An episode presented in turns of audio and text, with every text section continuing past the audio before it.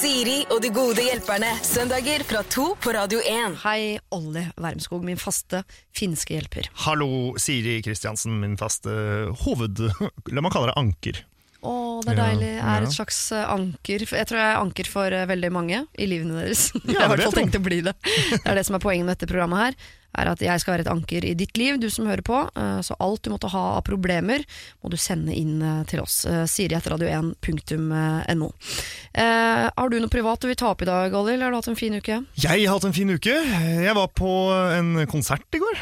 Ja. Jeg var på Spektrum. Ja. Eh, Ja, ja, ja, det var ikke småtteri. Det var godeste, godeste, godeste Du husker ikke hvem som sto på scenen i Spektrum? Nå stoppa det helt Håper opp. ikke han, hen, hun hører på da. Nei, det var jo et, et fett band. De har Shipping Off to Boston. Og de, det, er, det er et veldig bra band. Stort nok til å fylle Spektrum, Ja, visst, men det var ikke hodet ditt. Nei, 6000-7000 var å så på. Det var, Ja. det var stor uh, Og du jeg- jeg koste deg, eller? Du, jeg koste meg. Kjøpte du mye merch. Nei, det gjorde jeg ikke. Kjøpte noen noe enheter. Ja. Jeg hadde det topp med det.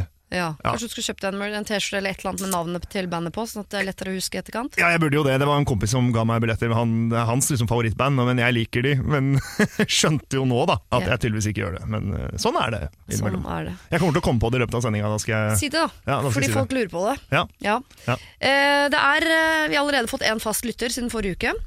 Eh, Daniel heter han og sendte en mail til siriradio1.no hvor han påstår at det fins en chilisaus som er sterkere enn den vi måtte smake på her for en uke siden. Er det sant? Den Mm. må være grusom, eh, grusom sterk. Ja, Den er eh, basert på en, eh, en chiliplante som heter eh, Carolina Reaper, som er kjemisk framstilt på et laboratorium i Carolina, som man får kjøpt på eBay. Ja. Så eh, vi er i gang, på en måte. Vi prøver å hjelpe folk med det eh, de trenger av hjelp. Mm. Og eh, lyttere hiver seg altså på. Eh, det er veldig fint at vi kan bli en stor sånn hjelpegruppe. Eh, vi utvider hjelpegruppa i dag med eh, to gode hjelpere, og det er da Terje Sporsem. God morgen. Hei! Eller god formiddag. Hei, god morgen. Beklager, jeg høres litt trøtt ut. Jeg var på konsert med et band i Spektrum. Jeg tok med kompis, jeg husker ikke hva han heter. Sånn du. Steik, Du husker ikke altså. hva kompisen heter? Nei, jeg husker ikke det, eller jeg tok med en vilkårlig finsk fyr. Og Adam Skjølberg, god formiddag. God formiddag. Husker du gårsdagen din? Jeg husker gårsdagen min eh, så vidt, jeg også. Det er litt, jeg var faktisk bakfull, for jeg har vært på Kiel-ferja. Kiel-ferja, ja. Mm. Det har vi jo en forkjærlighet for. jeg vet at jeg, jeg vet at jeg selv elsker. Ja. Jeg vet at du elsker Adam. Terje, jeg vet at du elsker. Kiel-ferga, ja. Ja. Det, altså, det er så fantastisk. Kan jeg få lov å slå et eh, Til og med i showet mitt som jeg har nå, så Ja. eh, bruker jeg Kiel-ferga som paradis for svigerfar. Ja, han, han ene servitøren på den pizzarestauranten sa at du pleide å være der mye. Han må Jeg- hilse Terje, sa han. Altså, og du vet, når personalet på Kiel-ferga eh, name-dropper det, Ja. da da er du Det, der. det er suksess. Det er, Da er suksess heter det. Da er du folkelig. Vi trenger, vi trenger at du også liker det. Dropkick Murphys. Aldri hørt om. Nei, det er bare det jeg kom, jeg kom på det. Du forsvant dit når vi var på Kiel-ferja. Ja, jeg forsvant inn i huet mitt, men Eller Kiel-ferja, som jeg hører at uh, Ja. opptil flere ja, for jeg ble sier. arrestert på det av en tysker som sa det heter ikke Kiel, det heter Kiel. Ja, svarte ikke du da 'jeg er ikke tysk', så det kan jeg ikke ta hensyn til. Det beklager jeg. Men du sier kylling, eller? Kylling. Ja. Sylling. Kylling og kjøtt. Men Ja. Ja, det Kiel heter det. Ja. Ja. Jeg sier kylling og kjøtt, faktisk, for jeg jobber med saken. Men elsker du Kiel-ferja, Olle? Jeg trenger at vi er en gjeng her nå. ja, absolutt. Jeg har jo en, eh, en fetisj for sånne her, sånne her eh, cruise. Ja. Ja, ja. Altså, jeg, har så, jeg har aldri vært på et ordentlig cruise. Jeg jeg har, helt sånn, jeg har så sinnssykt lyst til å dra på cruise. Terje, du har vært på cruise. er noe eh, Jeg også. seksuelt. Hva er det du ønsker å oppnå på Kiel-ferja? En total nytelse. Nå er jeg helt enig. Altså, cruise, Jeg har vært på flere cruise i Jeg òg. Karibia. Jeg òg. Ja, ja, stemmer. Vi var jo vi med på, på Vi var på nydelige TV-serien. Kjempesuksessen på på TV Vi har, Norge. vært på cruise. vi har drevet med cruising på TV sammen.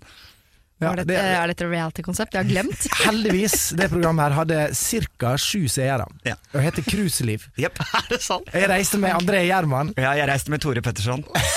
Oi, oi, oi. Hvilken kanal? Nei, ok, neste låt. Dere, jeg skal eh, høre med dere hvordan uka deres vært, eh, har vært. For jeg vet at eh, noen har hatt en tøff eh, uke. Frank Løke for eksempel, ut av Farmen. Det tror jeg, tror jeg har hatt en veldig kjip uke. Eh, Jonas Gahr Støre derimot, han eh, går jo oppover på meningsmålingene, så han tror han har hatt en fin uke. Eh, har dere hatt fin eller dårlig uke? Veldig fin uke. Fin Det har uke. en kjempefin uke, som sagt, eh, med Kiel-tur og alt dette her. Så eh, egentlig fornøyd. Til å toppe hele. Liksom. Ja, det toppa Ja. hele. Mm. Du da, Terje? Jo, hatt ganske bra uke. Feira barnebursdag. Jeg har for, um, min datter ble da tolv år. Oi. Det er yngste, ikke eller nå måtte jeg tenke om hun ble 13. Det er litt- Jeg har fire barn, da, så da blir det sånn. Det er fort gjort å glemme. Fort gjort, men det var veldig hyggelig. Vi laga første tror jeg, offisielle slimkonkurransene som har vært. Wow. Ungdommer lager jo masse slim. Ja. De bare står og lager, så driver de og trykker på det. Altså, så tok, prøvde jeg å ta det videre, så jeg laga sånn eh, om å gjøre å strekke slimet lengst. Den, første, den lengste klarte å strekke ved 40 meter. Nei. Og så lage sånn, om å gjøre lage den største bobla, og så om å gjøre å holde sånn sirkel, og så ta 90 Hva lager man slimet? Er det sånn pakke du kjøper? Nei, du, du, du, Linsevæske og Ja. ja. maisennamel noe greier. Ja, linsevesk og barberskum og lim. Ja. Ja, ja, folk fikk jo utslett og begynte å klø. Det var helt Tre fikk elveblest, og resten daua. Ja, Sånn er det. Dere, vi har bedt det norske folk om å eh, melde sine problemer inn til oss, fordi vi eh, elsker problemer her i Siri og de gode hjelperne. Eh, så hvis du som hører på har et problem, send det for all del inn. Siri radio1.no. Straks så skal vi se om vi kan hjelpe en sykt forelska jente. Altså Hun er så forelska at hun vet ikke hvor hun skal gjøre av seg, og det er det altså opp til oss å hjelpe henne med. Siri og de gode hjelperne. Mail oss på siri at radio1.no. I Siri og de gode hjelperne i dag så har jeg som alltid med meg min uh, finske faste medhjelper Olli Wermskog. Yes. Uh, Terje Sporsem er uh, hjelper i dag, og også Adam Skjølberg. Sier du Skjølberg eller Skjølberg? Bare- Skjølberg. Skjølberg. Kjølberg. Da bare holder jeg på den. Jeg har allerede sagt at vi skal hjelpe en jente som er sykt forelska, og det høres jo kanskje ikke så problematisk ut, eh, men det dukker opp et problem her, skjønner dere. Jeg håper dere kan hjelpe meg. Jeg er sykt forelska i en mann jeg så vidt kjenner. Jeg møtte ham på ferie i Australia, men han er opprinnelig fra Senegal, og han var der bare på utveksling. Vi fikk to uker sammen, men var til gjengjeld sammen da 24 timer i døgnet til alle andres irritasjon. Nå er jeg tilbake i Norge, han er tilbake i Senegal. Herregud, hvor er egentlig det, liksom? Men uansett. Jeg er veldig forelska, men jeg ser at dette er en vanskelig kjærlighet. Så hvordan kan det bli oss? Hvor, når? Altså, hvordan skal jeg gå fram her? spør Kristine. Hvordan skal Kristine eh, få til en kjærlighet med en eh, mann i et land hun ikke Hun vet hvor det er. Det, er i det er Afrika, jeg bare sier for hvis ikke det er, men, altså, det er i Afrika. Det er vest, vestkysten av Afrika. Ja, ja, hun reiser over til USA Jeg, jeg, jeg finner han ikke! det er dumt. Ja. Ja, Hvordan skal man gå frem på Skype, da? Aller først? Ja, det er jo ikke noe tvil om at i dag så er det jo muligheter på nett. Eh, altså Verden er liten sånn sett, da. Eh, hvis man ønsker det. Så jeg, jeg, jeg tror man kan få det til. Eh, men jeg tror det er vanskelig. Jeg er veldig sånn rasjonalist på sånne ting. Som bare sier med en gang sånn Å ja, nei, det kommer ikke til å gå. Eh, legg det fra deg. Jo, men hvis man møter hverandre på Skype, eller møter hverandre på en eller annen uh, chatkanal og tar det derfra Men de har jo møtt hverandre i i virkeligheten, de vet at kjærligheten er sterk, og at de liker hverandre. Ja. Så grunnlaget er jo lagt der, de må bare tilrettelegge for fortsettelsen. Så- så- Står det noe om hvor gammel hun er?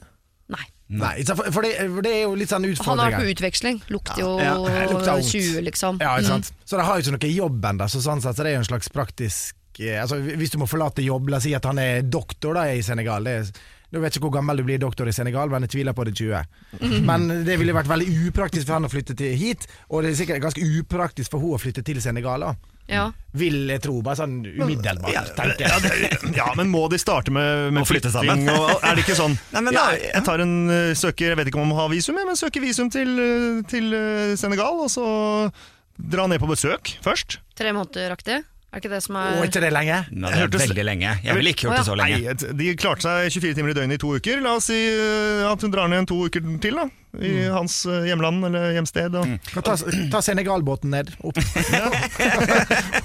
Men vi makser vel oppholdet til Kristine med i hvert fall at hun er der i fire uker. Fordi i to uker, da var de sammen 24 timer i døgnet. I Senegal så må han antageligvis også gjøre andre ting. ja. Så hun kan jo reise ned og være der i fire uker, da. Mm. Ja. Det som er lurt da, hvis man egentlig ikke kjenner hverandre sånn så godt, og så dra på ferie et sted, så planlegg litt ferien som om du ikke skulle møte han også. Finn liksom på ting du har lyst til å gjøre, bruke tiden til der nede, og så, og så kan han være med på det, for eksempel. Da, eller vise Og så skal hun mentalt lure seg selv til at hun I I was just in the neighborhood-aktig. jeg, jeg, jeg pleier å gjøre det.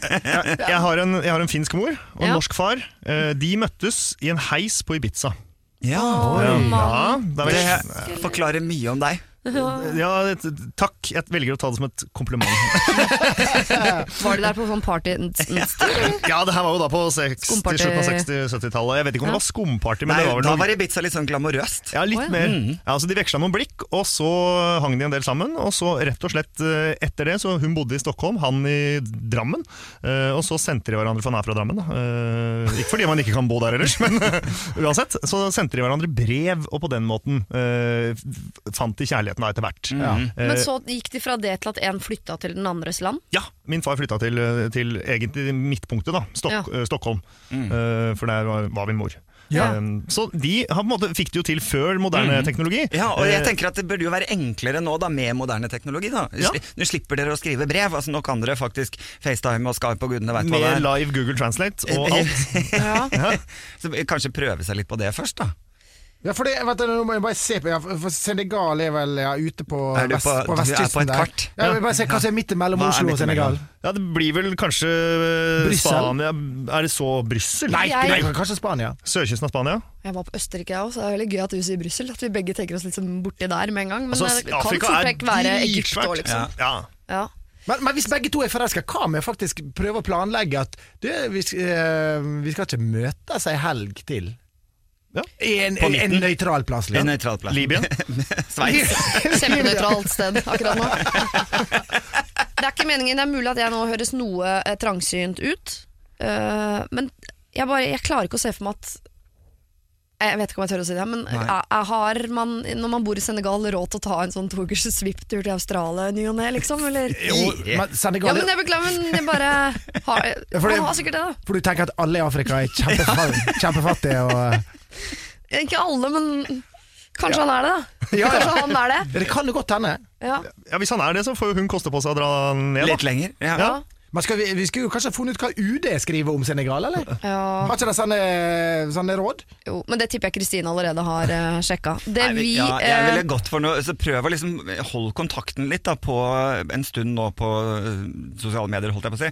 Eh, og eh, se om det fortsatt er noe til bunns der. Og jeg syns det er en god idé å kanskje møtes på et litt sånn nøytralt sted. eh, Et, eller annet, ikke- et sted på midten, da. Et sted på midten. Ja, Og se Ja. om dere har det fint da også. Kristine, jeg er sikker på at du allerede har vært inne på UD sine sider og sjekket ut det nødvendige der, så det skal ikke vi gjøre. Men vi vil at dere skal holde kontakten på eh, Skype og sosiale medier. Kjærligheten er der, dere har møtt hverandre, så dere vet at dere elsker hverandre. Eh, så må dere finne et sted å møtes. Om du drar dit, fordi det er det man har råd til. Eh, om han kommer til Norge, fordi det er det han har råd til. Eller om dere møtes på midten. Eller kanskje kan dere gjøre alle tre tingene. Så har dere tre gode planer nå i løpet av 2018. Og så på et eller annet tidspunkt, hvis det skal gå i ditt liv som det gikk i moren til Ollie sitt liv, så kommer altså han til å flytte hjem til deg, og alle hjerter gleder seg. Siri og de gode hjelperne. I Siri og de gode hjelperne i dag så har jeg som alltid med meg Olli Wermskog. eh, Adam Schjølberg er her, og Terje Sporsem. Vi skal nå hjelpe en håpløs frilanser. Eh, Og det er vel Alle her er har alle. erfaring med det, vil jeg tro. Her står det nemlig. Hei, jeg er frilanser. En håpløs og altfor svevende frilanser med vinger styrt av hjertet mer enn hjernen. Jeg elsker frihet, men jeg takler den ikke så godt som jeg burde. Jeg har massevis av ideer og påbegynte prosjekter som jeg i utgangspunktet har trua på og liker. Jeg starter, mister piffen, eller kommer over en annen og mer spennende retning i Photoshop eller på trikken, begynner på noe nytt. Jeg har ikke hatt én utstilling, jeg. Jeg har ikke søkt om støtte eller samarbeid en eneste gang. Det føles så meningsløst når jeg både kan og jeg vil, og, men når årsaken er eh, jeg får det ikke til. Når jeg, jeg får det jo egentlig til, bare ikke selve fullføringa, liksom. Hvis jeg skal overleve som frilanser, så må jeg få ut fingeren fra et eller annet sted som jeg foreløpig ikke har vært. Hvordan finner jeg dette magiske stedet? Eller burde jeg brukt bachelorgraden min, som jeg faktisk har, innen prosjektledelse, til, ja, ja, ja, til å få meg en ordentlig jobb med rutiner og frister og faste kroner. Hjelp! Svevende klem fra Svetlana. Ja, ja, altså i utgangspunktet i den eh, bacheloren i prosjektledelse Det høres ut som kanskje du skulle gått et år til og blitt master. Og tatt master, Tatt ja. master, ja. Liten doktorgrad på tampen her. Ja. ja. Ja, både òg. Altså, du- hun eller han, eh, la oss si det er hun, eh, siden det er Svetlana, så, er det, så er det jo ikke alltid så lett å se på seg selv som et produkt. Men Nei. det er jo hun i dette tilfellet. Eh, Så hun må bruke den bacheloren hun har, og ikke eh, tenke på andre, men på seg selv. Hun må se seg selv litt utenifra. Da tror jeg det går lettere. Og at hun ser på seg selv som et prosjekt, eller som en bacheloroppgave nærmest. Nå skal Svetlana få Svetlana i mål. Ja. Ja, for, for hvis du er fri, frilanser Dette her har jo brent litt for sånn, også i humorbransjen, at, at komikere må være flinke og se seg sjøl som Altså, som ei bedrift, da. Altså, du, du har ansvar for å kanskje eh, Selge deg selv inn. Selge deg sjøl. Det er du som er varen her, da. Og du må også selge varen. Og det er ikke så lett alltid. Det er, det er jo ikke lett i det hele tatt. Nei. Og særlig hvis du da i sånne, Du må skrive masse søknader der du skriver 'Jeg er så flink, jeg'. ja, Derfor man skal må jeg jo få det, da. ja. Ja. Jeg, pleier, jeg har vel ikke sagt det så ofte til, til folk, men ofte bak ryggen på folk har jeg vel noen ganger sagt at man kan jo ikke sutre seg til suksess. Nei. Da må man gjøre et eller annet. Mm. Men jeg kan kjenne meg inn i den apatien på sånn Absolutt. Åh, jeg, Det er så mye som er så gøy, og mye jeg har lyst til. Kan ikke noen bare ordne det? Og så, Ja. sitter. Og så får du kanskje nei, som er også vanskelig å takle. Ja. Ja, Ja, du må absolutt. ut og trene, få masse nei på ting. Men det høres litt ut som hun lider litt av den velkjente brakkesjuka. Ja. Uh, som jo da er at den kommer fra militæret, da, hvor hvor det er andre som styrer rundt deg. Og du, blir sånn, uh, du klarer ikke helt å uh, ta noe eget inch. Eh, så hun eh, må jobbe for å finne i seg selv, ta, finne et inch. Kanskje faktisk det er enten reise, flytte, finne noe nytt i livet. Kanskje ta en sånn der vanlig A4-jobb. En liten periode, bare for å få noe input. For hvis du surrer rundt hjemme og skal prøve å være kreativ uten å få input, kanskje hun er flink til å dra ut og møte folk og dra på konserter og sjekke andre utstillinger, det vet ikke Ja. jeg. Men eh, da er det lettere å få kreativiteten i gang, da. Er Men det, jeg syns det høres ut som Svetlana her har litt for mye input, i og med at hun blir kreativ på trikken osv. Så, videre, så det virker ikke som det er noe gærent med inputen. Det er vel mer uh, utputen. Jeg måtte, jeg måtte øve meg på det der med disiplin. da Bare det å skulle skrive sånn i forkant når man skal ha forestilling eller skrive standup og skrive tekst. Jeg måtte øve meg på å, å, å gi meg selv arbeidsdag. da Ja. At liksom I morgen eh, så har jeg arbeidsdag fra ti til to, og så skal jeg gjøre da fra, fra to til fire for eksempel, skal jeg gjøre noe annet. Eh, og da ga jeg meg selv sånn Eller ja, fra ti til tolv da så skal jeg uh, jobbe mer rettet med liksom ledelse rundt mitt eget firma, og så etterpå skal jeg sette meg ned og skrive. Og da Ja. kanskje på to forskjellige steder. Ja, og, og ikke gjør det hjemme. Nei. Veldig mange å, jeg bare setter meg på kjøkkenbordet, men ha Ja. en plass, uh, om du på en måte leier kanskje et kon Ja. kontorfellesskap, eller går på en kafé. Bare sånn Herfra Ja. Skal det være noe noe, i tre timer, skal jeg jobbe med det, så kan du gå og ha fri etterpå. Jeg tror det er viktig å gi seg selv noen sånne, ja, gi seg selv litt disiplin på det. Gi seg selv en arbeidsdag og en rutine og begynne å jobbe seg inn i det. Fordi at du tar rutinene like fort som du tar de, de rutinene du har laga nå. Ikke sant? Der hun sitter på trikken og ikke gjør noen ting eller bare lager nye ideer. Det er også en form for rutine da, som kroppen din blir vant til. Ja. Så du må bryte det og gi deg selv eh, litt oppgaver. da. Og legg, hvis, og legge mobilen på andre sida av rommet til lading, så Ja. du ikke kan bli avbrutt av sosiale medier. og så kan det være dritlurt å omgi seg Finne noen sånne folk som er eh, de som tar prosjekter videre. Som ikke er så gode til å komme på ideer, men som er innmari gode på å fullføre. Jeg er også en sånn som kommer på ting, men veldig dårlig på å fullføre. Åh, ja, den kneika der, altså. Ja. Man snakker med andre frilansere Ja. er jo en kjempegod idé. Liksom. Også at man kanskje samarbeider, Ja, for, for det er jo flere som sikkert gjør litt Ikke av det samme. Hver torsdag klokka tolv skal alle dere møtes på en kafé. Eller Ja, noe. ja. ja, ja. Og dette her er jo Altså Jeg har, jo- jeg har jo vært på en del sånne motivasjonsforedrag, sett en del av dem. Og dette, hva heter han der skalla? Eh, Han som 'du kan kjøre Porsche Ja, han hvis så du hadde eget TV-program på TV3 Ja, ja. som heter noe Ars, ikke Robert Aschberg, men det er noe i den Dagfinn retningen. Lyngbø. Ja, ja, etter, ja, En av disse Han prater om Bertrands metode, heter han. Bertrand heter han! Ja. Riktig. ah, Altså, dette er akkurat det han snakker om. Du må tørre. Ja. Man driter i den Porsche, da. Klipp av deg dreadsen, du må bare tørre. Sånn, jo, men Svetlana kan jo også gå sammen i og med at hun har en eh, bachelorgrad innen prosjektledelse. Ta på seg å være prosjektleder for en annen innenfor et eller annet kreativt yrke. I, eh, og lønna tilbake er at eh, da venninnen til Svetlana eller kompisen er prosjektleder for henne. Og så kan man være det for hverandre og på en måte holde i tråder og, og minne hverandre på deadlights man allerede har satt oss og sånn. Svetlana, du må se på deg selv som et produkt. Eh, jo, men Det høres jo grusomt ut. Og du må sette deg ned, ikke hjemme, sett deg på en kafé. Eh, lag ordentlig arbeidstid. Fra da til da skal jeg jobbe osv. Se om du kan slå deg sammen med en annen frilanser. At dere kan hjelpe hverandre til å, å holde den tidsplanen dere har satt osv. Du må begynne å det, høres jo enkelt ut, men det vi egentlig prøver å si, at du må bare begynne å gjøre det, rett og slett. Siri og de gode hjelperne. Mail oss på siri at radio1.no. Du hører på Siri og de gode hjelperne her på Radio 1, og hvis du trenger hjelp, så må du sende inn problemet ditt til Siri, alfakrøll, radio1.no. I dag er Terje Sporsem og Adam Kjølberg her sammen med Olli og meg, og vi skal nå hjelpe tre jenter. På en måte. Så eh, Potensielt så har de en gutt hver ved sin skulder, og så skal jeg prøve å, å styre dere gjennom dette her. Her står det. Vi er to venninner som trenger en eh, løsning på et problem. Det har skjedd en drastisk endring i vår gode felles venninne sitt liv, kall henne gjerne Stine. Vekten hennes har alltid vært relativt normal, og hun har hatt en sunn kropp. Hun bor i en by langt unna oss, som gjør at vi kun ses i ferier. Vi så henne nå i jula, og da var det et halvt år siden sist. Og i sommer da, så så hun ganske normal ut. Vi så vel kanskje at det var et par kilo ekstra der, men ikke noe merkbart. Men så da, til jul, så var hun knapt å kjenne igjen. Vi snakker 20 kilo pluss med øyemål. Og tanken har streifet oss eh, angående trøstespising, men vi kan ikke komme på noe som skal ha utløst det, og i så fall så er jo vi nærme nok til at hun skulle klare å snakke med oss om det. Så vi håper at det i så fall skulle være noe vi vet om. Eller gir hun bare blanke, og bare lever livet og koser seg, liksom? Vi aner ikke. Men hva kan vi gjøre som venninner? Marte og Ulrikke. Ja. Den er litt uh... Jeg har, jo- nå har Terje, det er jo en stund siden jeg har sett deg, Terje. Nå, Oi, oi, ok, ja. Nei, kom med det. kom med det For Jeg sto og så meg sjøl etter jeg kom ut av dusjen i morgen, så tenkte jeg har jeg blitt litt tjukk? Kom med det nå.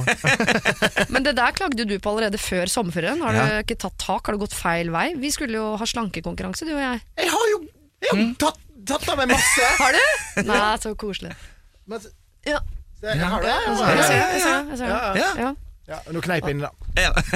Jeg må bare si fra til deg som hører på, og til deg, Olli, at eh, eh, Adam, Terje og jeg var en uke sammen i På juni. eh, På telttur sammen med Senkveld. Det er derfor vi vet så mye om hverandres kropper. Ja.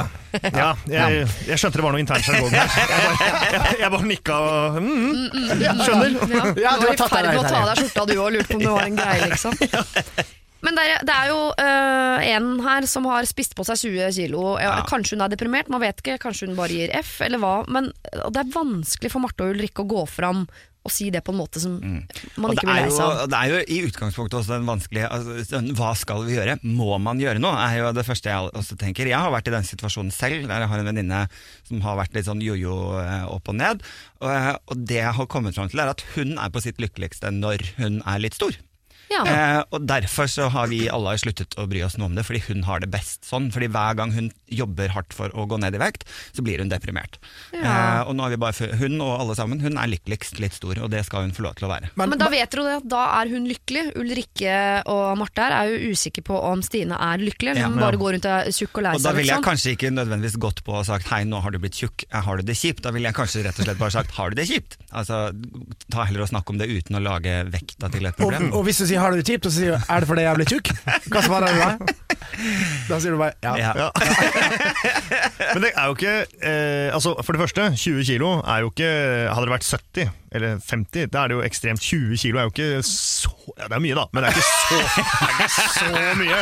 Det er jo litt. Det er jo litt altså, Det er jo merkbart for venner som hvis man ikke ses eh, så ofte. men vi, 20 kilo på et halvt år er ganske mye. ja, greit, men vi antar For jeg har gått opp 20 kilo på et halvt år. Eh, på under det. Eh, Var du deprimert, eller skulle du spille en rolle, eller Nei, her, her kommer hvorfor. Fordi det var ikke mat, det var medisin. Ja, ikke sant? Du gikk på kortison? Jeg gikk på kortison, ja. ja. For jeg har masse masse allergier og fikk noen sår på innsiden av øyelokka som ikke gikk bort. Eh, Som man Wow. ja, det det, hørtes vondt ut? ja, det, var, det er det verste jeg har vært med på. Det gikk ikke an å blunke eller ingenting. Hva allergi har du da når du slår ut på innsida av øyelokka? Nei, det var det de ikke fant ut. Men den historien her kommer til å ta åtte år. Hvis jeg skal ja. fortelle. Ja, dritt, i det. Han er allergisk mot sitt eget øye. Ja. Et eller annet. Innsidehud eller. Jeg, vet ikke, jeg aner ikke hva jeg var allergisk mot. Uansett. Slimhinner. Ja, eh, men da gikk jeg, raste jeg opp pga. Uh, prednisolon, da, som er en kortisonpreparat. Ah. Ja. Um, og det var jo vann, så jeg gikk jo like fort ned igjen når jeg først uh, slutta på det. Men uh, det kan jo være noe sånt. Ja, det jeg også tenkte sikkert- sånn, det kan jo være noe stoffskifteting som man skal sjekke ut, eller Kanskje han begynte å pumpe? for Eller kanskje hun går på kortison, eller at hun går på noe antidepressiva som man også kan Ja. eh, legge på seg. Så jeg tenker jo også at, at uh, omsorg her er uh, veien inn. At de må liksom på en eller annen måte finne ut av hvordan går det ja. egentlig. For det er venninna di, og da må du passe på at hun har det bra, først og fremst. Ja, kartlegge. Men, det, men det, det var jo ikke så lenge siden det var en ganske stor sak eh, med det i Dagbladet eller VG, om at du har eh, gått ned veldig mye sjø, liksom. Altså jeg, Siri Ja. Kristiansen. Ja. Ja. Hva vil du fram til? Ja, Har du det bra? Ja, men, men eh, kom folk og spurte det når du var større? Om jeg var ulykkelig? Ja. Eh, nei, men det er jo noe med Man må jo se han også hvis hun smilte og var veldig fornøyd og virka som ingenting var i veien, sånn som jeg alltid har vært. Så da er det kanskje ikke nødvendig. Da må det jo være noe annet. Ja. Men de, de har vel antageligvis også liksom ant at her er det en som er litt lei er seg, på en måte. Men er du, en god, er du en god venninne eller venn, eh, så begynn å, å få samtalen i gang. Snakk, Ja, ja. snakk Ja. om først alt og ingenting, og så kan man etter, et- etter hvert eh, uti et par glass, eller om man hva nå velger å gjøre den kvelden, så kan man jo begynne å snakke om sånn, ja, hvordan er det, trives du i studie eller jobb eller hva du er, og så vil man jo få svar ut ifra det, sakte men sikkert. Og det kan være sånn, vise bilder av seg sjøl da man var ung. og husker dere Å, de klærne her kommer jeg ikke inn i lenger. Liksom. Sånne småting som kan lede seg inn Ja. på, på, så- på Ja. tinga på et Pleier å ta sånn bilder av meg selv og vise så Se, her er jeg skikkelig tynn. Og jeg er faktisk like tynn ennå, pleier jeg å si. Sånn er jeg, liksom. Og noen er det sånn. Ja. Og... Nei, eh, Marte og Ulrikke, her må dere eh, bare være gode venninner. Dere kan jo spørre hvordan hun har det uten å komme inn på det med vekt. Eh, og eh, Hvis hun ikke nevner vekten selv, så skal man være litt forsiktig eh, med å gå inn på det. For det er ikke sikkert hun ser på det som et problem, og da skal jo ikke dere på en måte gjøre om det til et problem. Men har hun det kjipt, så må hun jo vite at hun kan ty til nettopp dere da, med dette. Så ta en telefon og spør hvordan hun har det egentlig. Siri og de gode hjelperne. Hvis du har issues, så send inn eh, til oss, Siri, eh, at radio1.no. En som har uh, litt grann, eh, problemer, et problem fryktelig mange kan kjenne seg igjen, tror jeg, fordi det er av økonomisk karakter, er en gutt som heter Lars. Han har ikke så mye penger som han skulle ønske. Skulle gjerne, i likhet med de fleste, hatt mye, mye mer penger, men det er litt vanskelig. Jeg har ringt Lars. Hallo, Lars. Hei sann.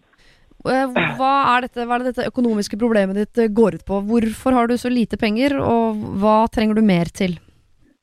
Nei, altså, det er, eh, det er mer det at jeg nå har jobba et sted i, i fire år, og føler at jeg gjør en veldig god jobb. Og, og ja, har stå- stå-på-vilje og får gode tilbakemeldinger og sånn. Men eh, siden jeg ikke har noe utdannelse, for jeg fikk jobb der etter en praksisperiode, eh, så føler jeg på en måte at jeg jeg vet på en måte ikke hva jeg kan eh, når det kommer til lønnsforhandlinger og sånn. Hvordan jeg skal på en måte gjøre det.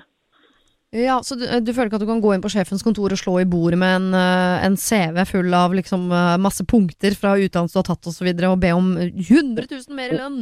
Ne- ne- Nettopp. Det er på en måte den, eh, den eh, utdannelsen som jeg ikke kan slå i bordet med og si at du, jeg har krav på det og det. Eh, og så syns jeg det er litt vanskelig. Hva, hvor mye har jeg krav på? Hva kan jeg kreve? Og ja, hvor, mye veier erfaring, liksom. Merker du at de- Eh, man, ja, Merker du at de du jobber for også, eh, er de fornøyd med deg? de er veldig fornøyd med meg. Ja.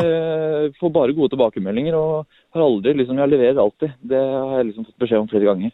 Og det er en fast jobb, du har vært der i flere år. Og det er vel liksom Ja, jeg har vært der nå i det, Dette blir fjerde året mitt.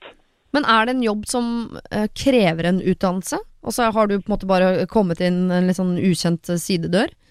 Ja, altså dette er, eh, det er mer kreativt, eh, så det er på en måte man trenger for så vidt ikke en utdannelse. Nei. Eh, fordi så lenge man har på erfaringa, så, så klarer man jobben helt fint. Skjønner. Du, eh, her i Siri og de gode hjelperne så prøver vi å gi så god hjelp vi kan, men av og til så innser både Ollie og jeg at eh, verken vi eller dagens medhjelpere har så mye å komme med til bordet. Vi ser vår egen begrensning. Så jeg har kasta ut Terje og Adam. Eh, de står og drikker kaffe på utsiden, tar seg en velfortjent eh, pause. Og så har jeg altså fått tak i eh, Lene Drange fra Luksusfellen på TV3. Lene, dette kan du, om ikke alt, så i hvert fall mye om, eller? Ja da, jeg tror det skal gå greit. Kan ikke du hjelpe Lars? Det viktigste som Lars gjør, er at han må sjekke tariffavtale for den bransjen, da. Eh, og da kan han gå litt opp i lønn, men det aller viktigste han gjør, er faktisk å selge seg sjøl inn. Eh, fortelle så god han er, som han får bekreftelser på.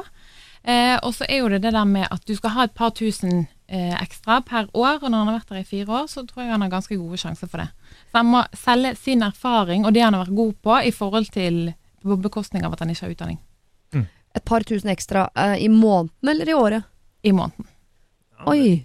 Lars, har du gått opp i lønn i det hele tatt siden du begynte for fire år siden? Altså, Jeg har på en måte steget litt og litt, men det har på en måte ikke vært noen noe, store, noe store summer. Men- eh, det har det ikke. Har du kanskje spurt, spurt om en stilling, litt mer utvidet stilling med mer ansvar? Kanskje du kunne gått opp i lønn av det? Ja, ja, det har jeg på en måte ikke, det har jeg ikke gjort det heller. For jeg har på en måte trives så godt med det, med det jeg gjør. Altså, eh, på en måte, jeg gjør så veldig mye, så det er på en måte nesten litt vanskelig å sette ord på hva jeg, hva jeg egentlig jobber med. på en måte, For jeg, gjør, jeg er som, blir sånn altmuligmann. Er det en vanskelig bransje? Altså Som alt muligmann, er det vanskelig med lønnsforhandlinger der? Fordi man ikke har noe helt sånn konkret å slå i bordet med? Ja, det er det jo, men altså, hvis sjefen er fornøyd og du har gode resultater å vise til, så må du jo bruke det. Ja. Kan man ikke være litt sånn hard i lønnsforhandling, eh, men med, en, med et smil og vennskapelig tone, samtidig som man er hard, og si at eh, eh, det er ikke så mange andre som kan gjøre den jobben her. Så det er opp til deg nå å ta et valg om du vil beholde meg i denne jobben. Eh, hvis så, så har jeg mange andre tilbud. Eh, fake det litt eventuelt. Og si eh, for at jeg skal bli her, så må du få opp lønnen litt. Ja, er kompromiss eh, en fin vei å gå i eh, lønnsforhandlinger? Absolutt. Ja. Eventuelt så kan du jo eh, søke andre jobber, og så kan du hinte litt til at du er på jakt etter mer, for du er ikke helt fornøyd med det lønnsnivået du har, da. Ja, kan man, Hvis man har et konkret jobbtilbud også med en uh, foreslått lønn, kan man ta med seg det inn i lønnsforhandlinger? Mm, Men man må gjøre det på en pen måte, da. Hva er en pen måte? Eh, altså Du kan ikke eh, få en annen lønn og så true med å slutte hvis ikke du får den, eller du ikke får tilsvarende, men hinte litt til det, pakke det litt inn i en fin, eh, fin liten sammenheng, da. Ja. Se, du, Lars, gå inn til sjefen og si åh, jeg har fått et uh, jobbtilbud, jeg blir nesten lei meg av det, for jeg trives så godt her, men det er vanskelig for meg å si nei, rett og slett, fordi pengene frister sånn. Shit, ass, så tenk hva jeg kunne kjøpt og leilighet, og jeg er i etableringsfasen, og legge det fram på den måten, og si, men jeg har jo ikke lyst til å slutte her, det er her hjertet mitt ligger. Kunne du gjort noe sånt? Ja, kanskje det er, eh, kanskje det er veien jeg bør eh, gå. Det hørtes ut som en, eh, noe jeg kunne sagt i forhold til ja, når man er litt forsiktig og ydmyk. Så Ja. hørtes det bra ut. Men da må du skaffe deg det jobbtilbudet først, da. Det er sant. Ikke sant? Er det mulig? Ja, det er vel det. Det, er, det, det tror jeg, altså. Ja. Og så den siste lille ting er at hvis de som har tilsvarende stilling, hvis de tjener mye mer, Mm. så bør du også bruke det som et argument med sjefen. Men hvis de har utdannelse? Ja, men da kan han spille på erfaringen, som han kanskje er bedre på, han har bedre kompetanse enn de andre, for eksempel.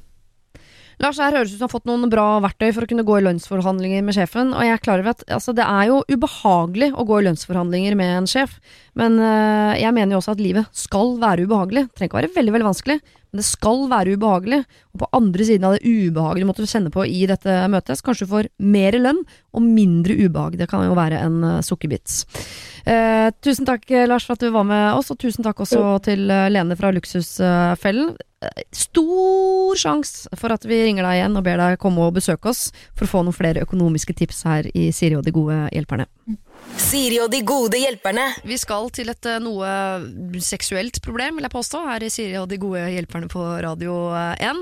eh, Hvor jeg sitter sammen med Terje Sporsem og Adam Sjølberg. Og selvfølgelig også Olli, min faste finske hjelper. Eh, er dere klare for et seksuelt problem, folkens, eller er dere, blir dere fniste av det? ok, jeg kjører på. Kjære gode hjelpere, mitt problem er av seksuell karakter. Jeg er sammen med en nydelig fyr, vi er hverandres første. Og vi har vært sammen i snart tre år. Ingen av oss har vært sammen med andre før, og vi har funnet ut av det meste sammen, hvis dere skjønner hva jeg mener. Jeg har ikke hatt behov for å ligge rundt, og tror vel ikke jeg kommer til å få det heller, selv om venninnene mine syns det er helt sykt å tenke på at jeg potensielt bare skal ha én partner gjennom livet. Men så til mitt problem. Min nydelige kjæreste har en nydelig storebror og en enda nydeligere far. Jeg klarer ikke slutte å tenke på dem. I alle situasjoner, egentlig. På trikken, på skolen, i senga. Hvorfor?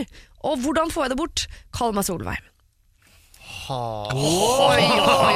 Her skal dere få lov til å velge helt selv om dere vil bidra med personlige erfaringer. Men altså det der med å tenke på familiemedlemmer av den man elsker Ja, dette her er jo det som trender på Pornhub. Ikke at jeg har vært der, men jeg har hørt at dette trender. Men med sånn stepmom og familieting. ja. Aldri skjønt hvorfor det er en greie. Er det en retning innenfor seksualitet? Er det det vi Ja, i Ja, den ja, ja. filmen så er det faktisk det. Å, ja. Men da at man er litt sånn i slekt.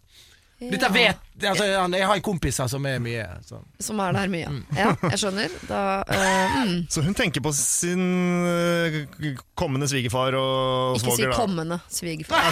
Vær så snill. Vær så snill, Olli. Jeg har allerede sagt det. ja Ja, hvor går du videre? Nei, det er jo det hun tenker på, da. Ja, ja. Billedlig talt. Um, ja, hva, hva er rådet? Hvordan skal hun tenke? Altså, Men dere har vel aldri øh, opplevd å tenke på noe man ikke skal tenke på? Og Da er det jo nesten umulig å få det bort, for da tenker man jo i hvert fall på det. Når man begynner å tenke på at man ikke skal tenke på det. Da tenker man jo dobbelt så mye på det. ja. Ikke sant? Men jeg vil jo tro at hun kanskje ikke har sagt det til kjæresten heller. Det er vel sånn rar ting å si. Ja, men Kan det være en løsning? Jeg bare spør. Nei! Nei, nei, nei. Nei, Solveig, ikke gjør det. Da blir det, da blir det veldig rart i For da begynner han å tenke på det òg. Ja. Ja, og så har han plutselig da ser han for seg sin Nei, det må du ikke gjøre. Ja, men Da holder jo han lenger, og hun kommer fortere. Da Da er løsningen på mye. Det er sant. Nei, eh, altså du bør- Så ikke si noe. Da er den av bordet. Ikke sant? Ikke si noe. Men jeg, jeg, la oss gå litt sånn inn på eh, Hun sier at jeg har ikke noe behov for å ligge rundt, men hun tenner jo på veldig mange. Sant? Hun fantaserer mye. Hun Mm. har tydeligvis et behov for å kanskje oppleve mer, sjøl om hun sier til seg sjøl han er bra nok. Ja. For jeg også Ja. tenker at Det er ikke nødvendigvis egentlig at det er faren og broren som det handler om her. Det kan godt hende at det handler om noe annet, sånn som du sier, Terje. At det ligger noe uforløst i henne, og at hun søker noe spenning eller noe. Og hun virker jo også som en person som knytter seg til eh, altså, dette et ene mennesket, så det er ikke så rart at hun ikke ser så mye lenger utafor heller. Det er Nei. ganske naturlig. Og sikkert ganske forsiktig, siden begge to har sin Ja. Dette er den første, og de, var det tre år, var det ikke det det var? Mm. Ja, Og de har ikke ligget med noen andre, så dette er kanskje øh, for å foregripe Ikke foregripe, men for, å, for å For å overgripe. For å overgripe, for å anta Ja. At disse to andre mennene, da, bror og far, er kanskje noen øh, menn som viser kjærlighet overfor henne, øh, som hun blir glad i på en sånn sant. måte. Sånn ødepus-syndrom, da, bare litt sånn overført betydning. Ja, eller kanskje de ikke gjør det. Eller kanskje de ikke gjør det i det hele tatt. At, han, at uh, far her er et symbol på en eldre, strengere fyr. Åssen hadde han vært i senga? Mm. det lurer jeg på. Og broren kanskje er en mer sånn uh, fyr med dreads og didgeridoo-type. Og jeg lurer på åssen de er i senga. Jeg, jeg tror ikke du tenner på familiemedlemmene til typen din, det er bare at de representerer noe annet. Mm. Og hvordan er det i senga? Det lurer man på da. Det representerer kanskje noe annet, men også trygt. Ja. Ja. Absolutt. Men jeg, nå, nå, hvis han var litt sånn eldre og strengere, nå ble jeg litt sånn interessert i åssen han faren Har vi noe bilde av han faren? Se for meg Bertrand igjen. Ja, sånn- det- jeg gjør en Sånn eldre, myndig, skalla type. Du kan jo ta en for laget og for venninnegjengen og gjøre det, da. Prøve å ligge med broren og faren, Eh, det er jo, og så har du en god historie. Og så kan du gå fra alt og alle. Det er ikke, tips Ja. jeg, det er ikke noe jeg råder til, men eh, det, det er jo noen Noen kunne ha råda til det! Ja, bare nevner, nevne Jeg bare det. nevner det som ja. out there. ja.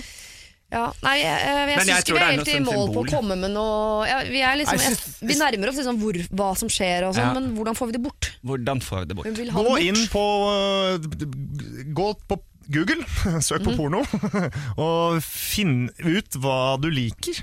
Om, det hva, om du har en eller annen fetter som du kanskje ikke vet om, uh, som du ikke klarer å finne med kjæresten din. Eh, er det bare Å ja, jeg har bare ligget med en, så jeg merker at nysgjerrigheten min for å ligge med andre er ganske stor.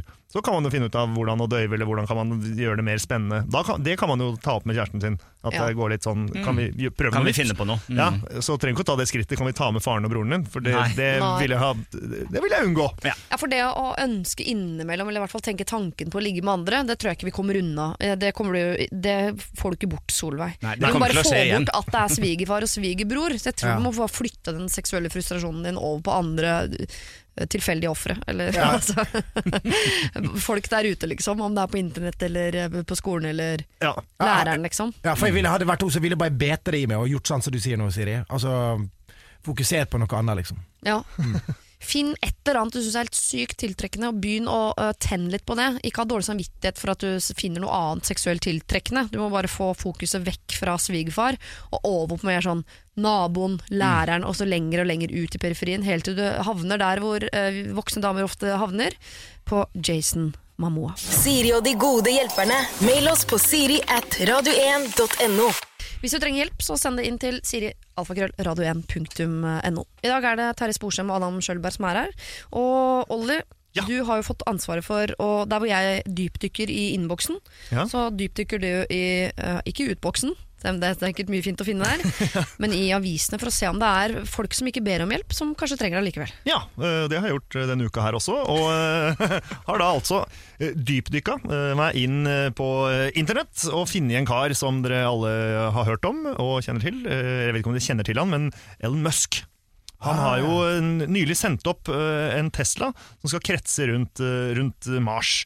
Eh, Og mange mener jo at han er en, en stormannsgal egoist som velger å bruke sine milliarder på tull fremfor å utvikle medisiner og, og redde vi som er her nede. Um, Men jeg er jo en fan av duppeditter og finne ut av universet, og jeg mener han gjør noe for fremtiden. Så jeg har lyst til å spørre dere om råd for hvordan eh, vi kan gi han råd om å fremstå mer sympatisk. Hvordan kan han være enda bedre til å vise seg fra en side, sånn at alle skal heie på alt han Ikke alt han gjør, men det han holder på med. Ja, for han har nå rykte på seg å være stormannsgal, ikke nødvendigvis så ydmyk, liksom, så han må få fram de sidene også. Ja, At han sender en Tesla rundt Mars. Hva er det eh, du sier at han heter til fornavn? Ellen? Ja, det er det jeg kaller Ellen ham. Musk, ja. Mm. Ellen. Alan? Elon. Elon. Elon? Ja. Ja. Elon. ja, la oss kalle han Elon. Elon Musk. Søskenbarnet til Kal-El. Ja, ok. jeg skal ikke stoppe der. Men likevel, kan vi, hva, hva er liksom tips for å fremstå, eh, få han til å fremstå? Altså, du vet, Historien til eh, Elon Musk er jo ganske fascinerende. For han eh, er jo litt sånn, han har fått nei over alt. Han har, der han har vært, så har han på en måte blitt trykt ned. Ja. Så han har måttet satse sjøl. Ja. Og har jo bevist voldsomt at, at ved å stole på seg sjøl, ved å gjøre ting på sin, sin egen måte, så får han det til. Han er, han er jo en doer. Absolutt. Svetlana burde jo ta telefonen. Svetlana, ja. Ja. ikke sant? De må møtes. Men fordi eh, han har brukt sine egen Det er hans egen private Tesla som han nå sender ut i verdensrommet for sine private penger. Ja. Så han Ja, bruker fordi- jo alt av sine private midler. Ja, Men jeg skjønner som ansatt i Tesla-konsernet at man likevel prov blir provosert. For der har jo folket øh, blitt sagt opp osv., har de ikke det? En hånd i været. Hånd i været. Jo, jo eh, Tesla-konsernet går, jo går jo ikke så bra, men dette her er jo nybrottsarbeid, det han gjør. Han har akkurat eh, Sende ting ut i verdensrommet? Jo, men han har, han har eh, revolusjonert Å, ja. romteknologien. Han har fått det til å bli eh, hva det er, 80 billigere Ja. enn det det har vært før. Han bruker raketter om igjen. Han sender 50 ganger så mye vekt opp i verdensrommet som NASA har klart. Han er smartere enn NASA. Rett og slett. Det er det han er. Wow. Jeg tror Hvis han skal fremstå bedre, så kan han ansette Terje Sporsem som sånn spokesperson. Fordi Er du forelska Du skal ha sånn, lang, sånn eh, avstandsforhold med denne fyren? Så Ja. skal begynne, begynne å skrive brev med han? Nei, det er jo eh, det, ja, det er litt sånn, det føles jo litt rart når, når du snakker om han sånn eh, introduksjonsmessig, for da virker han litt sånn, litt sånn Han i Iron Man, han er sånn mangemillionær som er litt crazy. Som, Ja, men- ja, er var litt, sånn, litt sånn fyr, så hvordan skal man like han bedre? Men med en gang Terje sier at sånn, han har gjort alt på egen hånd, og han har ikke blitt støtta, så kjente jeg at jeg likte han litt bedre, for han har hatt det litt vanskelig da, eh, opp igjennom. Eh, Men jeg vet ikke, jeg slenger en Tesla ut i verdensrommet. Altså, naboen vår i Nord-Norge kasta en vaskemaskin ut i fjorden, og han var ikke veldig populær ut av det heller. Nei, liksom. Jeg tenker i hvert fall, jeg først tenkte at han skal ikke bruke PR-konsulenten til han gærne, veldig smarte med ubåt i eh, Danmark. Fordi eh, den kampanjen slo litt grann feil, syns jeg. Det er mitt beste råd. Men kan han gjøre det på Er det noe på sosiale medier? Eh, Burde han, Ja, han må jo snakke litt mer om bakgrunnen sin, da, sånn at man får litt sånn medfølelse for han. At han blir, litt sånn, at han blir en fin fyr. Ja. Ja, Men han, han gir også veldig mye penger til oppstartsbedrifter. Og er Du er forelska i den fyren her, Nei, men jeg, jeg Men hvorfor vet du det, og hvordan kan vi eh, få til at flere vet det? For hvis flere folk vet det du vet, Terje, så vil man jo like han. Da Ja. får man geniet litt ned på jorda. Ja, ja, men, men altså Bare ved å lage Teslaen, liksom. Så alle, alle sammen sa jo Tesla, det går ikke an. Nei, nei, nei, det går ikke an. Jo, det går an. Se her. Og så nå er det den mest solgte bilen i Norge, eller hva det er. Det er jo Nissan Leaf. Norge. Ja, det er Nissan Leaf. Kanskje han kan lage noe annet som hele verden går rundt og snakker om at det går ikke an. Det hadde vært utrolig digg, men det går ikke an. Han kommer jo til å redde oss. Hvis verden skulle gå under. Det er det han gjør nå med disse rakettene. Han vil komme oss til Mars, han vil sende oss til andre planeter. Ja. Ja, men Løs verdens sultkatastrofer, eller skaff oss ferskvann, eller gjør noe sånt, liksom, hvis du er så utrolig smart. Trengte jo ikke en Tesla, liksom. Kanskje han vet, han vet kanskje noe vi ikke vet. At alt er, Her er det ferdig snakka. Eh, vi bare, Ja. nå, er det, nå er det rydd og røm. Ja, kan det jo være. kan være. Ja, Så vil han ikke skremme oss, for han har så mye empati. Eh, at han sier bare sånn ja, ja, ja, det, vi, vi setter fokuset på til Mars, og så vips, når krisen er maks, så får, Så redder han verden. Ja. La oss Men- håpe det, at innen den Teslaen har gått en runde rundt Mars, så har han løst et eller annet verdensproblem. La oss håpe det. Og så det er jo tidenes practical joke, da. Hvis det kommer besøk fra andre planeter, og de kjører mot jorda, og så kommer det en fyr forbi i en Tesla Altså, der må jeg tenke Her tør ikke vi å komme. Siri og de gode hjelperne.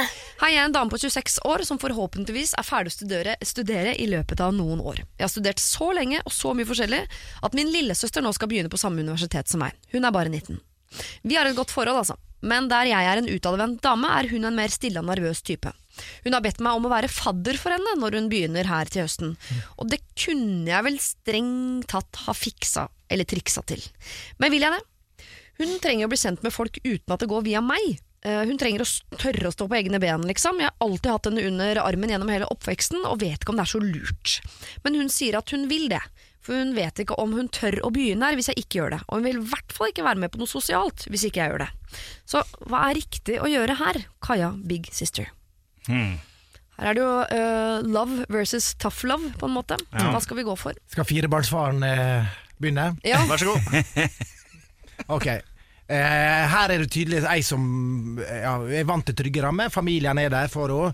Eh, har blitt voksen, men ser for seg at eh, storesøster skal være der for det. Skape en trygghet. Det barn trenger, er å utfordre seg sjøl.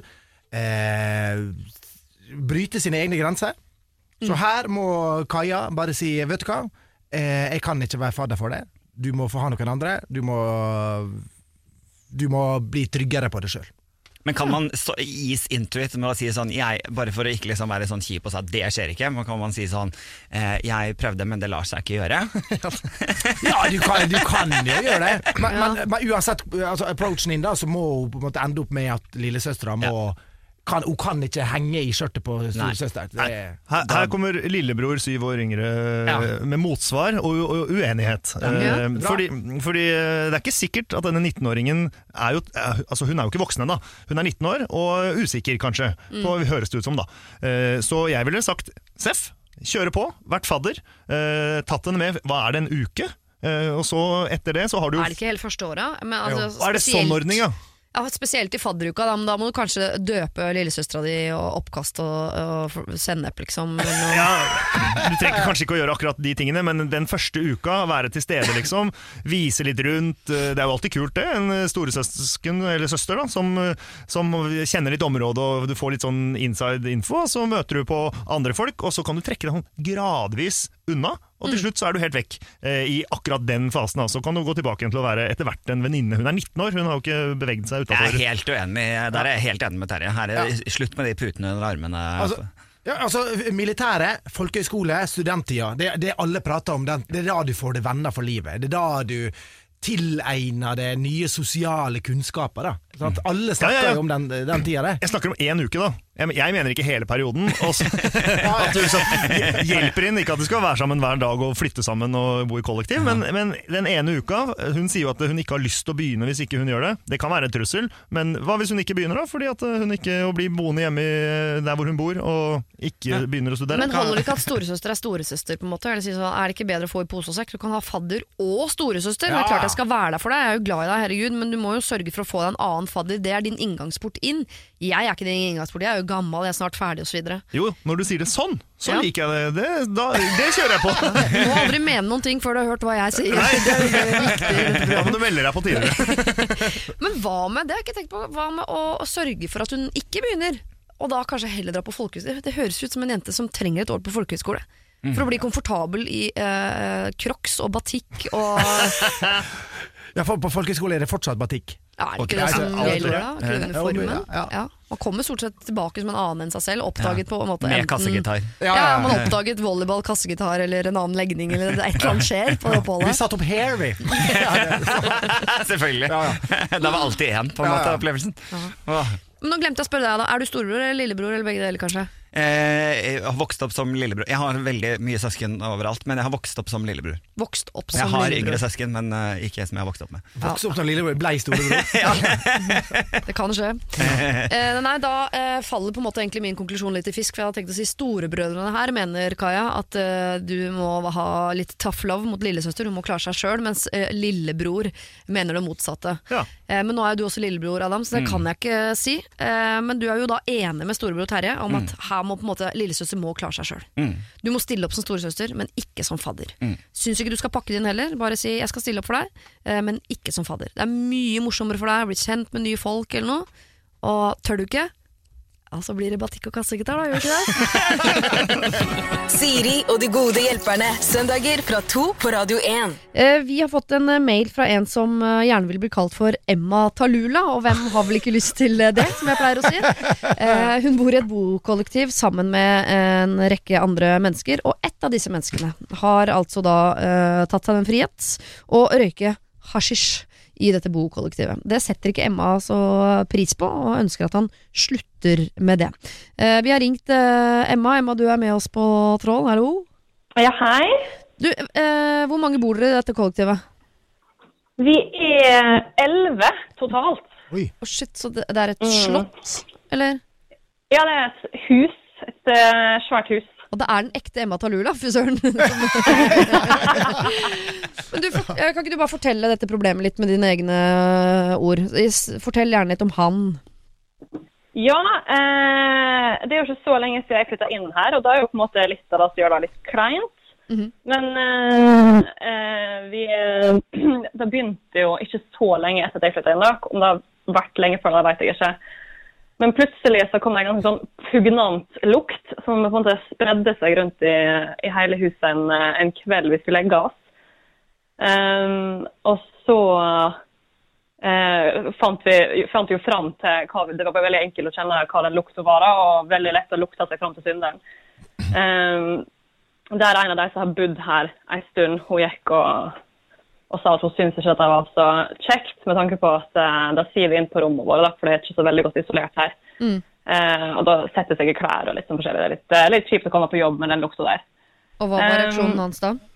Eh, hans reaksjon var å bli litt snurt. Eh, han eh, gikk og åpna vinduet, for da skulle hjelpe. Og så gikk han og klagde litt eh, seinere eh, i uka på at det var så strenge regler her. Ja. Så da det vi syns egentlig var vanskeligst, var jo Og han er generelt en litt Nei, mm. hva skal vi si, delikat, uhygienisk fyr. ja. Men du er eh, stygt redd for at han har ikke helt tatt eh, Det kommer til å gjenta seg. Det er vel det du vil eh, eh, Ja. sørge for at det ikke gjør. ja. Jeg har jo med meg Olli Wermskog, Terje Sporsem og Adam Schjølberg i dag- som skal hjelpe deg. Men jeg tenkte at de antageligvis har noen spørsmål, så gutter, hvis dere har ting dere lurer på, så må dere spørre Emma Talula nå. Ja. Ja, hei. Hei. Hei, du. du aller først må jeg bare spørre. eh, Hvordan er den generelle holdninga til røyking innendørs? Altså, altså vanlig røyking, liksom? Går folk ut og røyker? eh, Ja, I kollektivet? Ja. ja, de går ut og røyker. Da Ja. gjør de. Vi sitter ikke inne. Ja, for det, for det er opplest og vet jeg at skal du røyke vanlig tobakk, så går du ut. Ja. Ja, okay. Ja. Er det flere i kollektivet som røyker hasj? Is? Eh, nei, det er kun han. ja. Ja. Ikke sant. Og han, gjør han det på fellesarealene, eller inne på sitt eget rom? Nei, han gjør det på sitt eget rom. Ja, ikke sant. Men det er, også, det er et veldig godt spørsmål, det med vanlige sigaretter. ja, takk. Og så er det jo både gutter og jenter her. Det kan jo i forskjellige studie, studieretninger Ja. og yrkesretninger. Ja, ja. Er det lettvegger, eller, er det, eller hva slags type vegger er det i Du vet jo hva, det er litt betong, og det er litt eh, sånn gamle trevegger. Ja. Mm. Og kjapt spørsmål til. Er det, er det hus i nærheten, eller er det natur utafor? Å ja, nei, vi er midt i et ganske sånn tettpakka boligstrøk, ja. Ja. Mm. Riktig, riktig. Jeg lurer også på, Emma, før vi, vi skal høre litt musikk, og så skal vi diskutere dette her så godt vi kan. Eh, det aner meg jo at det ikke er for mange av oss som har eh, direkte erfaring med det samme problemet. Vi skal prøve å sette oss inn i det så godt vi kan. Mamma røyka mye hasj. Alt. Jeg måtte gå og si det. Oppvokst jeg bodde i telt med Terje. Så, eh, Men er det sånn at de ti andre syns at dette er problematisk? Og det er Ja. ingen av dere ti som heller føler dere helt komfortable med å være liksom eh, forrest i, i felten og ta den krigen? Nei, vi har liksom alle gått og prata litt om det, at det, det er ikke noe som vi ønsker å ha rundt oss. Og syns det er litt vanskelig å ta det opp, for han blir så sur. Ja. Mm. En sur fyr som røyker hasj. Eh, vi tar det med oss. Eh, vi skal en liten tur innom eh, Astrid eh, S, og så skal vi se hva vi kan hjelpe deg med etter det. Hold eh, linja. Siri og de gode hjelperne. Dere har fått eh, problemet til Emma Talula beskrevet før denne låta. Altså Hun bor i et bokollektiv med ti mennesker. Et stort hus, men midt i eh, byen. Eh, I dette bokollektivet så er det én person av de eh, elleve som røyker hasj. Han gjør det innendørs. All annen røyking foregår utendørs. Han har fått tilsnakk, men han blir sur og virker ikke som han egentlig er enig i at han ikke skal få lov til å røyke hasj inne. Hva gjør vi videre da, er vel eh, problemet. Ja, umiddelbart. Altså, det er jo en fyr som da Altså, det at man ikke har lov å røyke innendørs eh, Altså, Det kan være vanskelig å bruke som argument for han, for det er jo ikke lov å røyke hasj i Norge i utgangspunktet. Så han, eh, ja, regler er vel ikke så viktig for han, kan det virke som. Nei, det, er jo, det kan kanskje virke litt hardt å gå rett til sånn uh, politi, for eksempel. Si sånn du, vi kommer til å ringe politiet på deg. Det, det, det, ja, det blir litt det er litt voldsomt. Uh, man kan jo prøve å ta igjen litt med samme mynt, da. En eller annen måte å Hva da, ikke røyke inne? Nei, jeg tenkte mer sånn eh, det, Hun nevnte jo at det fester seg til klærne og kjip lukt og sånn. Ja. Sprøyte inn et eller annet dritlukt inn i, inn i det rommet der. Et eller annet som, eh, som Ja. kan kjenne på kroppen hvordan det er å få noe som man ikke syns er behagelig, opp i nesa. Ja, eller kjøp noe sånn skikkelig kjip røkelse, som bare utligner den lukta der. Men, men altså, jeg, jeg tenker at dette er i utgangspunktet en ganske grei um, ting. Altså, det er Jeg føler Hvis de er såpass mange da eh, som, er, som bor i dette kollektivet, og altså alle de andre er eh, mot at han skal få lov til å gjøre Ja. dette, så, så sette seg sammen da og ta det, ta det i plenum. Ja. et sånn, har man ikke sånne møter, da? Intervention, god gammeldags. Inter, god gammeldags intervention. At han i hvert fall uh, må gå ut, rett og slett, og gjøre det ute. Ja, altså, dette er jo et problem. Vi lever jo i et demokrati. Bor man elleve stykker sammen, så må det jo på en måte være et demokrati. Altså, Man må ha møter der man blir enige om kjøreregler, liksom. Ja. Ti stykker mener at dette er et problem. Hvis ikke han klarer å forholde seg til det, sorry, kamerat, du, da må du flytte, liksom. Ja, og, og driver jo sånn, halv, sånn halvveis og ymte frempå sånn Kan du være så snill å slutte? Det må bare Ja, ja. sies. Dette er ikke greit. Hvis du ikke forholder deg til det, så må du flytte ut. Ja. Eh, Og vi er snakka. ti stykker, så gjør det sammen, da. Ja. Ja. Mm. Og uh, han må jo få lov å Altså, for all del røyk det han vil, liksom, eh, men ikke gjør det der inne. For det som også er faren her, er jo at La oss si da at eh, naboen kjenner den lukta. Her er noe muffens. Politiet kommer. Og han har røyka på rommet. Alle der kommer til å få trøbbel på grunn av det, liksom. Men det er jo typisk også uh, Dette er min fordom mot folk som jo røyker uh, hasj. Er jo at de tenker at vi som ikke gjør det, er utrolig kjedelige, kjipe mennesker som ikke har skjønt denne herlige uh, siden av verden vi lever i. Jeg elsker at du fikk sånn laidback holdning når du sa det. Det er så godt jeg kan leve meg inn i, i situasjonen. Ja. Men tenker, i hans hode, når det kommer noen og knakker på døren og sier sånn ja. 'Unnskyld meg, men du kan ikke røyke hasj etter kollektivet', så tenker jeg sånn 'Å, herregud, er kjedelige, kjipe folk, ass. Skjønner meg ikke hva hasj er', liksom. Ja, Så jeg tror det er liksom farlig å ikke gå inn i sånn uh, flink skolefrøken-rolle. Jeg tror man heller må være sånn Null problemer med det hasjgreiene, men generell regel bare om at vi røyker utendørs. Så kos deg i hagen med pipe eller hva det måtte være, liksom. Også, man skal ikke bli helt for flink pike heller, fordi du kommer til å møte flere mennesker som røyker hasj i livet ditt fremover. Det kommer til å skje. Ja. Eh, Sånn er det jo bare. Så, men jeg, hadde det vært sånn at halvparten der inne røykte, om det er vanlig sigarett eller hva de røyker, så, så må man jo komme frem til noe som funker for dem der òg. Men siden ingen andre engang røyker vanlige sigaretter her, så er det jo han som må ryke. Og så nevner dere jo eh, politiet, det syns dere var litt hardt, men det fins jo noe mellom oss vanlige og politiet, og det er jo eh, huseier. Hva tenker dere om det? Jeg tenkte jeg trodde du skulle si Security. Ja, ja. Det var ingen dørvakt som Altså, huseier er jo absolutt øh, neste øh, skritt. Ja. Ting å si klage, men det er vel hans eller hennes plikt da å rapportere til politiet? Er det ikke det? Jo. Og er det med uh, at huseier skal komme inn. Ja. Hva lukter det her?! Det er, det er, det er litt sånn Ja, Jeg tror ikke man trenger å gå til det skrittet heller. Jo, liksom. men Det kommer jo an på hvor dust han er. da Altså Hvis alle ti samler seg nå i første runde og sier Dette er generelt Litt sånn Siri sier da, ikke bli for flink pike, men bare all røyking er ute, så du må gå ut. Eller hvis ikke, så må du finne deg et annet sted å bo. Og så gjøre det samla. Hvis ikke Mm. det funker heller, så vil jeg jo Da ville jeg gått til huseierne. Ja, Ellers kan du øh, få tak i noe god gammeldags øh, LSD og begynne å pensle den Der stopper jeg dere. Det er eh, overhodet ikke en eh, løsning. Eh, Emma Talula, Ja. eh, har dere vurdert et husmøte, en slags intervention, hvor alle elleve må delta? Det har vi faktisk ikke gjort. Nei. For at alle er Det er sjelden alle er hjemme samtidig. Ja. Men det, da ville jeg liksom prøvd å avtalt, avtale det. At Om det så er en måned til, at alle setter av en time. Om det er klokka ni om morgenen eller ni på kvelden. Mm. ja. Det var lurt. Har dere vært inne på tanken om å kontakte huseier? Ja, det har vi. Men For å få han ut. Men for vi syns, eh, vi syns kanskje han skal få en fair shot først. På en måte, Ja. til å bedre seg. Ja, for, for en, en litt hyggelig fyr oss, altså Når han ikke røyker og er skitten og lukter ekkelt? Helt ærlig så er det at jeg har snakka med han sikkert totalt sju ganger i løpet av tida jeg har vært der. Så om jeg kan, basert på da, så syns jeg han er en helt Ja. ålreit type. Mm, mm. mm, kode for ikke så kul, egentlig. Men, eh, ja. Eh, men det høres ut som, i og med at det er du som tar opp dette, Emma, så er det på en måte du som må gjøre noe med det også. Det eh, vi jo uh, anbefaler deg er å gå knakka på døren, ikke være for flink pike, men rett og slett si at i dette kollektivet, vi er elleve stykker, vi lever i et demokrati. Nei, ikke si forresten, det er du vel, det er flink pike å si, men dropp det. Eh, si at eh, vi røyker ute, og det må du også gjøre. Uansett hva slags røyk man røyker, så gjør vi det ute. Og hører han ikke på det, så er det jo huseier som er neste liksom, steg på stigen, altså. Og så kan det jo Mm. være altså dette å gå face to face hvis det er ubehagelig. Altså, Har dere ei Facebook-gruppe, dere som bor der? Ja. Ja. Man kan kanskje begynne der, og er helt sikker på eh, like hvis dere eh, ikke vil at vi skal røyke hasj.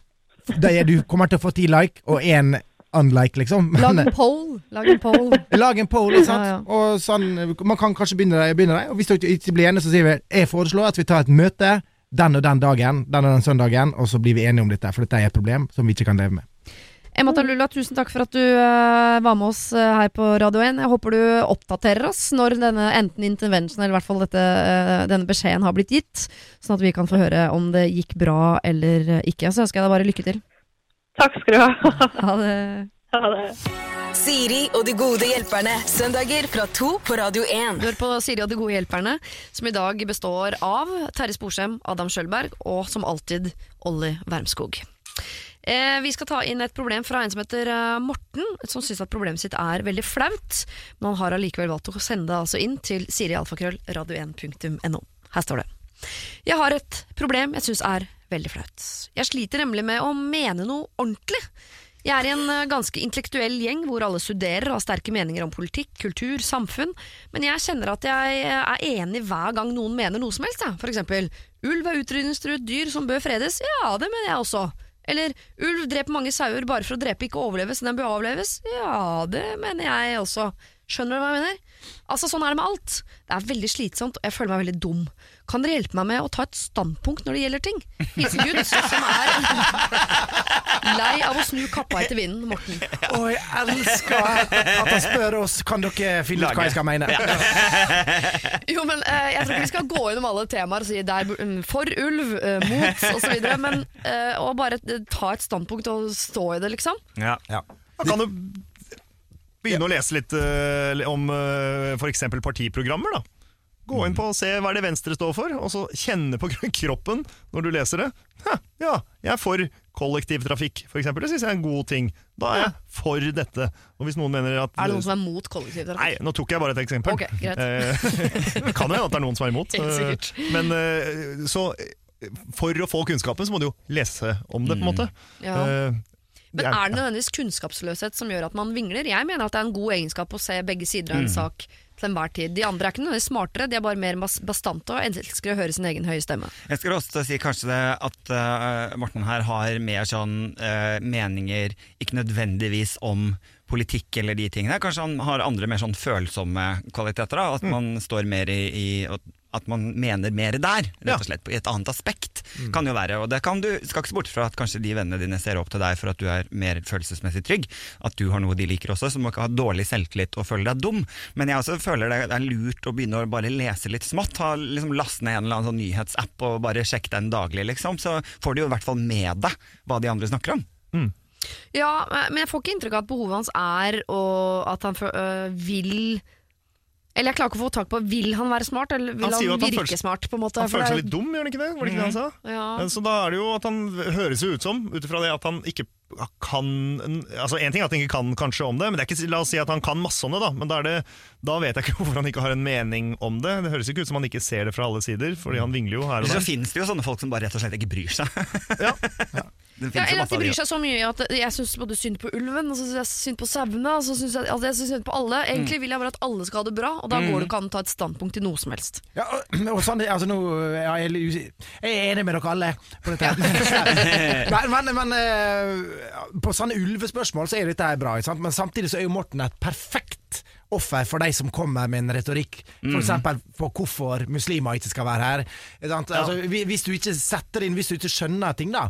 Eh, og, og derfor er jo dette som vi egentlig alle sier, det viktige. Du må lese, men du må også være eh, kritisk til hva du leser. da Ja. For hvis du på, i Facebook-feeden din får noe fra norgesavisen.com, og de leser 'Her er grunnene til hvorfor det skal være sånn', og du Ja. tenker 'wow', så, så er du jo ute og kjører, liksom. Morten, hvis du er en fyr som eh, tar imot alle sånne telefonsalg eh, hvis du blir med på det, så uh, er du antageligvis den som er veldig lett tilgjengelig for å bli med på noe andre foreslår. Uh, så da går jeg tilbake igjen til å si les litt, les litt mer og gjør deg opp litt harde meninger. Eller finn deg en annen venn, vennegjeng. Ikke at du skal gi slipp på den intellektuelle. Det høres ut som en litt slitsom vennegjeng hvis det er det de måler alltid. Ja. Og som Adam sa, at ta tak i de, de litt mer sånn myke sidene av det. Kanskje de misunner deg. Fordi at du eh, er en litt annen type. Eh, og det er helt topp. Motsetninger er jo nydelig i en gjeng. Og hvis du er en sånn som bare gir fullstendig blaffen, så kan du lære deg noen sånne teknikker som setter i gang samtaler, og så melder du deg ut. Bare sånn, nå er det mye greier med de, det muslimske altså, ja, Nå er det mye snakk om det, og så begynner de andre, og da har du på en måte startet den, og så trekker du deg. Ja, så tenker alle Morten smart fyr, Ja, liksom. Han satte i gang en bra diskusjon, og så bare Ja. trekker du deg. Så har du vært med likevel. Bare lage litt sånn mm innimellom, Ja, ja, ja, litt sånn lyd innimellom der. Og sitte og google i hjørnet, så kommer du med meninger derfra. Men jeg tror han er frustrert Rart med den Teslaen i verdensrommet, folkens. Ikke sant? Bare sleng ut, bare sleng ut noe, da. Jo, men jeg tror han har et ønske om Jeg kan sende meg inn i problemet til Morten også veldig, for jeg, jeg kan også lett la meg liksom blende av folks argumenter. Ikke sånn 'Å, det var lurt! Nei, det var lurt! Det var lurt!' Til absolutt alt. Og så klarer jeg ikke å liksom, øh, bli enig med meg selv om hva jeg egentlig syns er lurest. Men hvis det blir men da er det sånn ulv og sånn. Hvis det blir sånn eh, nei eller ja til innvandring, altså hvis det blir såpass store alvorlige ting, da klarer man kjenner jo om man er for eller mot dødsstraff. For eller mot Altså Noen ting klarer man å kjenne på. Ja, det vil jeg jo det vil jeg jo tro. Du kjenner jo om du er, om du er rasist eller ikke, f.eks. Mm. Ja. Det, det vil man jo Hvis du ikke kjenner det, så må du snakke med noen, tenker jeg. Eh, hvis du kjenner det, så gratulerer. Da har du klart å ta et standpunkt. Ja, og, og hvis det er et tema som han syns er så interessant, han har hørt både for og imot, vet du hva? Dette vil jeg sjekke ut mer. Så før du på en måte finner ut hva du vil mene sjøl på det, Morten, så eh, leit litt mer i de temaene som vennene dine har diskutert, hvis du er usikker, tenker jeg. Ja. Se en dokumentar, les en bok, gjør deg opp eh, det, litt sånn, få opp kunnskapsbanken rundt disse temaene som til stadighet eh, dukker opp, hvis det er sånn at du er interessert. Hvis det er sånn at du bare vil virke interessert, ja da er det mye bedre å bare sette i gang diskusjoner, og så lar du eh, røkla det, kose seg og argumentere, mens du lar tankene dine forsvinne til større, mykere steder der man er opptatt av helt andre ting. Det kommer de også til å sette pris på. Siri og de gode hjelperne. Søndager fra to på Radio 1.